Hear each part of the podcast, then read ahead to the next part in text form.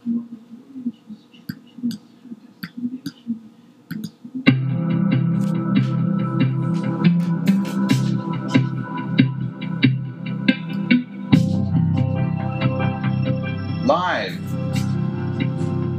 from Runes Media Studios comes the Munns Mile.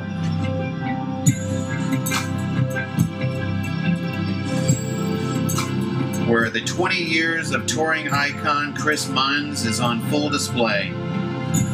Moderator Mr. Mojo and the Munns will discuss the newest news on touring with bands, new indie music, and the festival scene.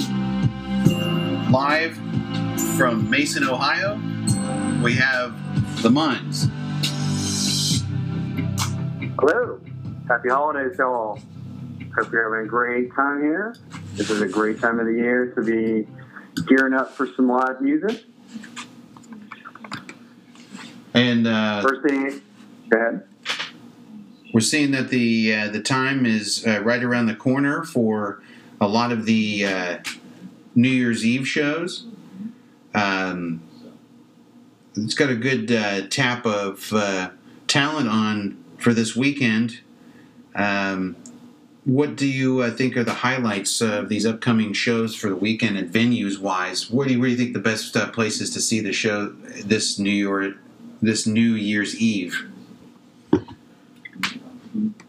Well, that's a, that's a great question there. Um, I would probably say a lot of the larger cities, for instance, New York City, there's going to be quite a few live acts there that are going to be having fans come from all over the country, possibly even throughout the world. Um, one of the venues that I'm really interested in learning more about and hopefully we'll be able to pass on some knowledge to you is the Beacon Theater in New York City, New York. Um, it is located at 2124 Broadway, New York, New York, 10023.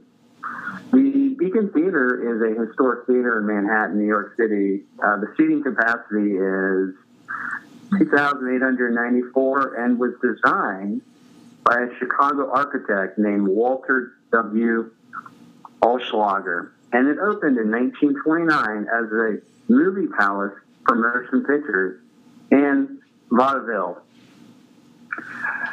Currently, this year for the New Year's run, Government Mule will be playing at the Beacon Theater from July 29th through the 31st. Another venue that I'm interested in learning more about, and hopefully we'll be able to pass on some knowledge, is the Kodak Center in Rochester, New York. It is located at 200 West Ridge Road, Rochester, New York, 14615. The seating capacity there is 1,968. Do you think that's important, Munns, from a standpoint of a fan, if you will? I mean, do you think the. I know many people often think that a, uh, a venue size really makes it uh, kind of, you know, a, an extra part of the experience, whether it be small, whether it be large. Um, you know, I tend to like the smaller venues. What do you think in the comparison between some of those mentioned venues that you had, the Kodak Theater and the Beacon? Which do you think is does it, the intimacy factor? Does that overrule a, a medium-sized venue that just has uh, good audibles, good visuals, uh, yeah, good uh, seating, and, and other amenities that uh, that drive in the fans? Uh, like you, I'm also a huge fan of the smaller venues. I believe that with these smaller venues, these bands can really put forth the time and effort to really, you know, reach out to their fans, be as close as they can to their fans, and even some of these bands will use that opportunity because it's a small venue to really maybe spice up a few extra things in their songs or maybe even do something a little bit different that they normally wouldn't do because this is maybe a once in a lifetime opportunity for them. Um, I always feel that small venues really do make a band, you know, whether they're just starting or if they've been playing. But I feel like the larger venues sometimes takes away from that intimacy um, that we once had when we were fans growing up with these bands. And yeah, it's nice to be around other people in a larger venue, but at the same time, I feel that, you know, maybe these bands can need to go to these smaller venues again and really give them a second chance because who knows? You might be able to get an opportunity to do something really cool on that one night, and as a fan, you might get a chance to experience something that you've never seen. Now, talking about Government Mule earlier, I, I, I see that they are playing a three night run at the Beacon Theater in New York this uh, this Saturday, Sunday, Monday. Uh, but it looks like they're going out to um, going to Netherlands and then making an odd turn, um, going to Worthington Township, Ohio. Are you familiar with that particular venue there in Worthington? I think it's the Smoky Run Festival. I am, yeah. It's actually a festival that I was looking at because it is a up and coming event that is an inaugural festival, and Government Mule will be headlining it, and there'll be some other cool bands that me personally, I would definitely be interested in seeing. it. And I just feel like my I've had an opportunity to see Government Mule over the years, and I feel like Warren Haynes and his buddies really bring their A game. And you know, if you ever get a chance to see them, definitely make sure you do. Well, it looks like they're headed to Upper Darby on that other side. But back to the Correct. Be- now back to the Uh-huh. Beacon. Uh, you were telling us earlier that it did start back in 1926. Uh, it it was home to uh, the vaudevillian um, style theater back then, which is kind of fascinating. Uh, it uh, it's actually been in a number of movies over the years. Um, in fact, one of the first films that I believe was uh, shot there was in 1929. Um, a number of films in the 70s were shot there. And then, of course, one of the notable shows that you may be aware of, and I believe uh, we might have listened to this show when we were on tour on the Munns Mile, is the uh, the epic show in 1976, a series of concerts that the Grateful Dead had, uh, and then also again uh, later in that 1976 uh, era during that uh, I believe that fall tour. Um, I may be mistaken, but that was just a great run there at the Beacon. Absolutely. And, um, you know, those that have been fortunate to see shows there and have been able to see theater or any kind of movie at that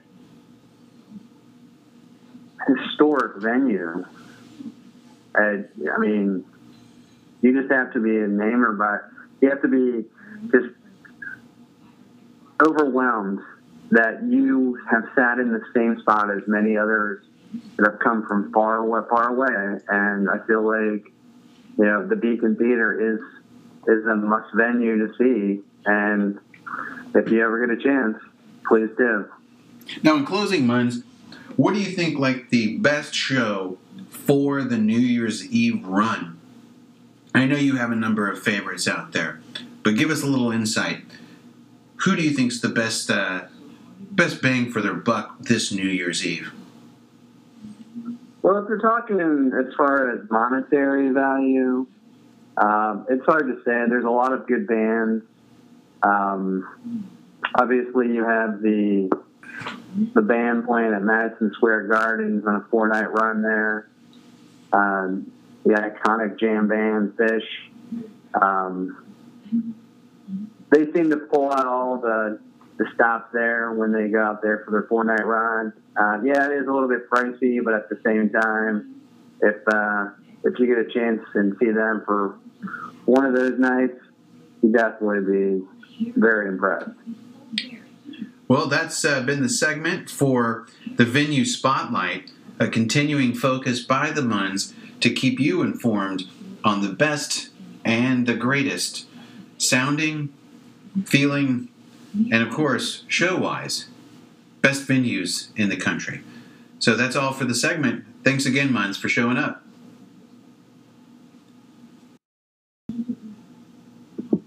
All right, welcome back to the Munz Mile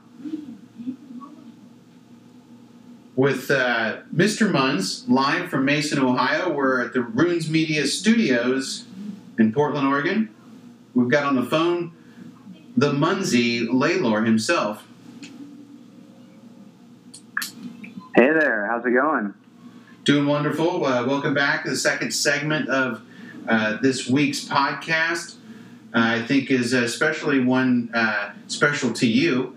I know you love your spring festivals and your summer festivals, a big uh, music lover as yourself.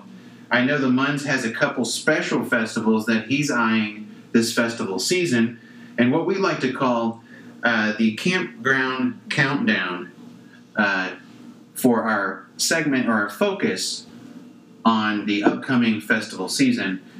Mr. Munz, what's the what's the the big deal of this summer, this festival season? Well, there's some festivals that are going to be coming up here in 2019 that I've been kind of eyeing since it first was announced. And uh, one of the one of the first festivals that I had seen that came out was called the Old Settlers Music Festival, and it takes place from April 11th to the 14th. And probably the big bands that are there that really intrigued me were the Del McCoury bands, Galactic, Jason Isbell and the 400s, and many more.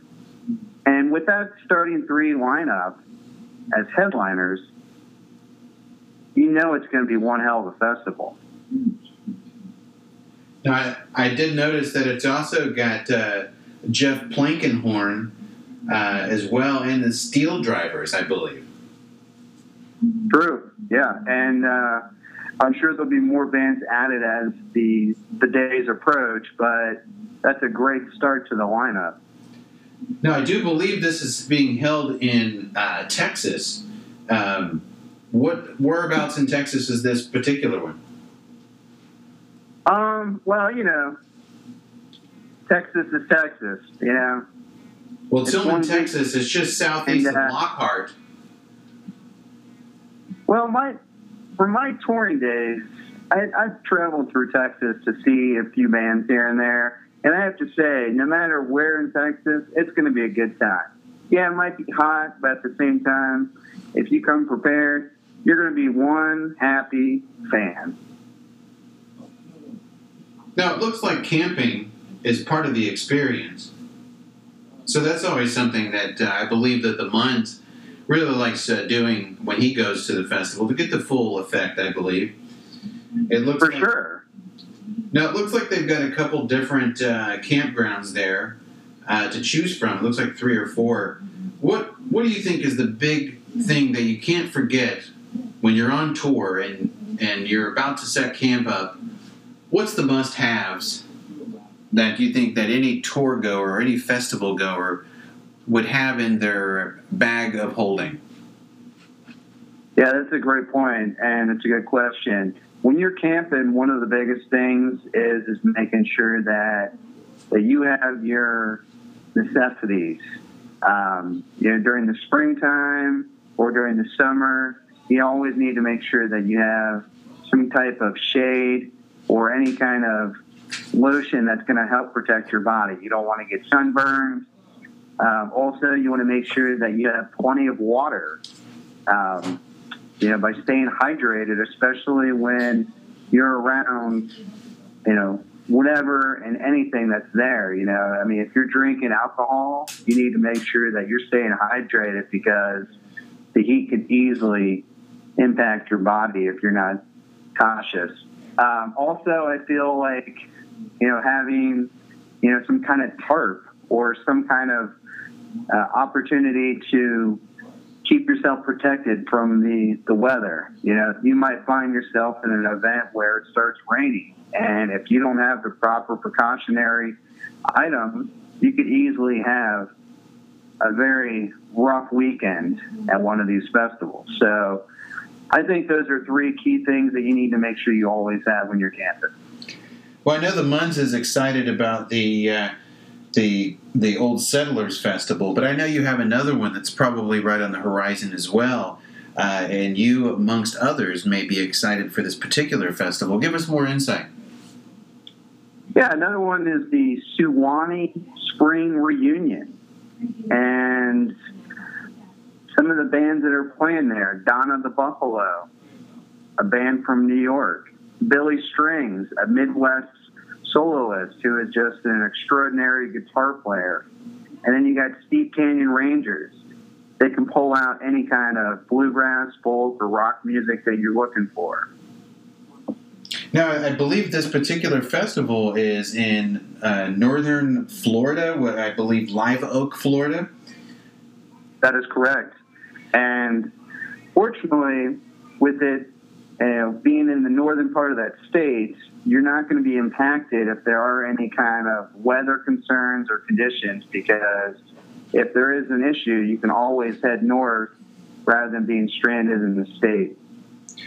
Now, I've, I've heard that the venue uh, is interesting, especially for a um, you know a festival uh, to have essentially 700 acres for camping, hiking, canoeing, and, and all that at the fingertips, or let's say the foot tips of the campers there, the concert goers and the festivals. How many days does this go on? Is this a one or two night or a, a longer? No, it's um, it's a four day event, and you're right with all the the land available for hiking and just to kind of browse around. I mean, that's a lot of space for campers, and to me, that kind of what that's what excites me about this festival is the the terrain, the uh, the area around it. You know, most festivals it's just kind of a flat land, almost like a farmland where there's really no shade.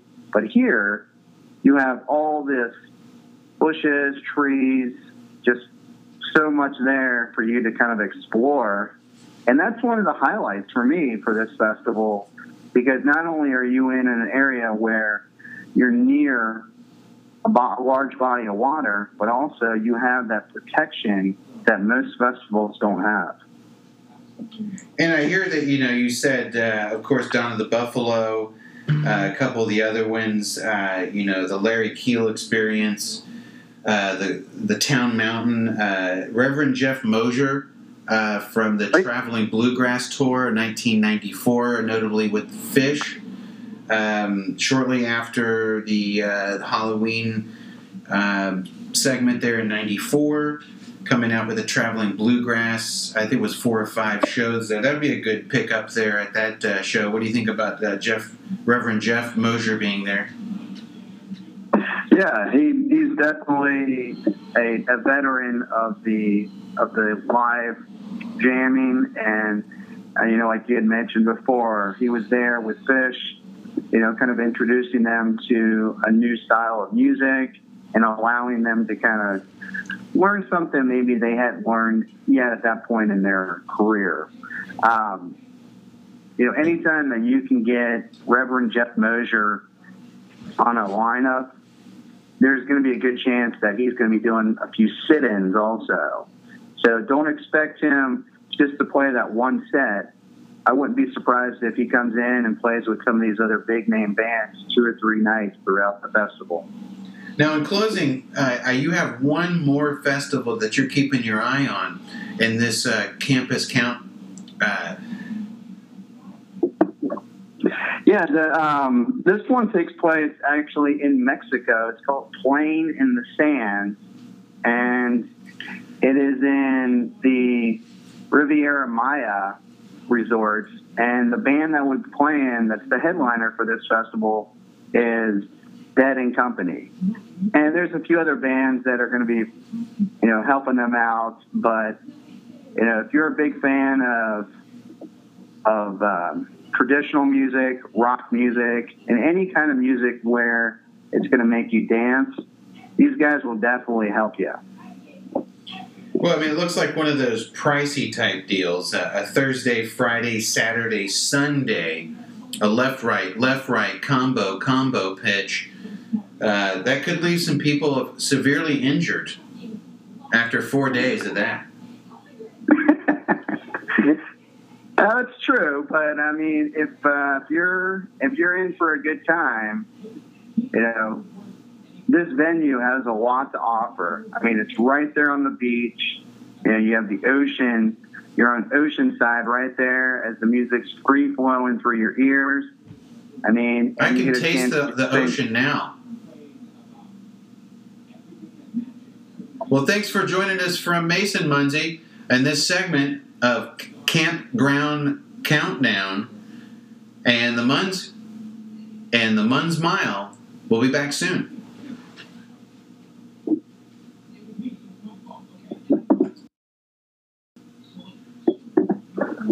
Welcome back to the Muns Mile, where uh, we have the Muns live from Mason, Ohio, here uh, on the Runes Media radio network. This week, uh, segment three is one that I believe that the Muns holds dearly to his heart. Uh, we like to call it affectionately the Muns Corner. And this week's first highlighted artist and the inaugural Muns Corner artist reveal, we'd like to find that out directly from Mason, Ohio. Chris Muns. Yeah, I'm sitting back here in my corner, just waiting, waiting to provide insight into these three new bands. The Muns Corner the first band that I'd like you guys to be aware of is called Ghost in the Forest. Now, this band is actually a side project of the front runner or front man of the band Phish, and it includes Trey Anastasio, Jon Fishman, and then a few of his friends that he's played in throughout his career. Jennifer Hartswick is another. This is actually a very interesting band because the last time that Trey put together a band probably was Oysterhead or even his original Trey Anastasio band. But this sounds very appealing for the most part because it's got Jon Fishman in it, who is one badass drummer. Now it looks like they're starting their tour in uh, April next year. Uh, and it looks like it's in Portland, Maine, an odd place to start a tour, but it looks like it's at the State Theater. Then they're headed out to Philly, then Washington, Albany, Boston, and then New York City at the United Palace Theater there. But uh, it looks like that's a, a pretty good uh, lineup there. That's correct. And and a few dates that were posted later that came out is actually they're playing in Los Angeles, California for two nights at the Greek Theater. Um, and then one other event, I believe, out west. So there is ample opportunities for both West and East Coast fans. I think that you have like a, uh, a special, kind of like a, a special kinship to is your second featured artist I believe the Muns keeps his eye out for these. The second, the second band that I'm really interested in is called the Jauntee, or some pronounce it maybe a different way. But uh, this is a band that actually is from the New England area, much like Phish was, and they have been actually playing venues left and right, going from one uh, one coast to the other, really trying to get their name out uh, not using any real big name songs, uh, more word of mouth about this band. And I've actually had the opportunity to see these guys, and they put on a hell of a show. These guys rock it out. They know how to play. Um, their songs are very catchy at times, but also you have them really digging down into these songs and trying to just expand, you know, and make it sound even better every time they play. Well, I think that's key for a, a band that's up and coming to keep their fan base intrigued. Now, I think that many of bands that that now come out, and I, I think the Muns probably could agree, really don't spend that much time in being original. I think they often follow the group, if you will, right, Muns? Instead of That's correct. instead of going the other way and seeing what what can be done outside of the realms of uh, of what uh, maybe general convention of thinkings, if you will. But I know this is important. The third pick of this week's uh, Mun's Mile, the Mun's Corner segment, where he likes to share important indie artists with the crowd of the podcast and to really kind of bring you together with with those artists out there that really have something to offer. And I think the Muns has always had a unique perspective of that. Uh, he knew of many bands before other people, and we we often think about that when you think of bands that you thought of back then. Very true. Know, I have been fortunate to see a lot of bands before they got very large. So I have been very blessed and grateful to see these shows that are in very intimate venues, uh, much like we had spoken about earlier. Uh, the third band that I really feel is a band that people should be aware of here in the Mun's Corner is called Grateful Ball. The Grateful Ball is actually two bands combined. The first band is the Traveling McCourys, which makes up a lot of the members from the Del McCoury bands. And the second band is made up from the Jeff Austin band. And those two bands combine, and they actually play three sets. They'll play their own set of their own original music, and then the next band will play their own set of original music, and then the third set is actually a set where the two bands will play Grateful Dead music. So, if you're looking for a bluegrass band that not only is able to rock it out and has had histories and played live with many jam bands and other artists, these two bands can definitely make you want to come back for more. I am very intrigued to see the Grateful Ball at this festival coming up here in 2019 or at a live show because I want to have my dancing shoes on and make sure that I'm having a grand old time. And I believe the 19 season for festivals is going to be a good one. I think. I think you're going to see a lot of uh, you know up and coming bands stand up and take the mantle and start moving forward.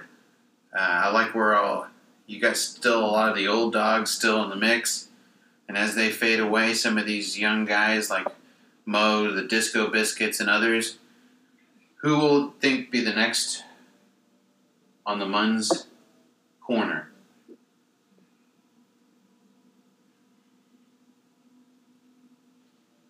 Thanks again, Muns, for showing up to the Mun's Mile and bringing that u- unique Munsey style to the show. Appreciate it and glad to be of assistance. And we'll see you on the next Mun's Mile. Stay tuned. And coming soon to a Munsey near you. Thank you, Muns. Have a good night. Good night.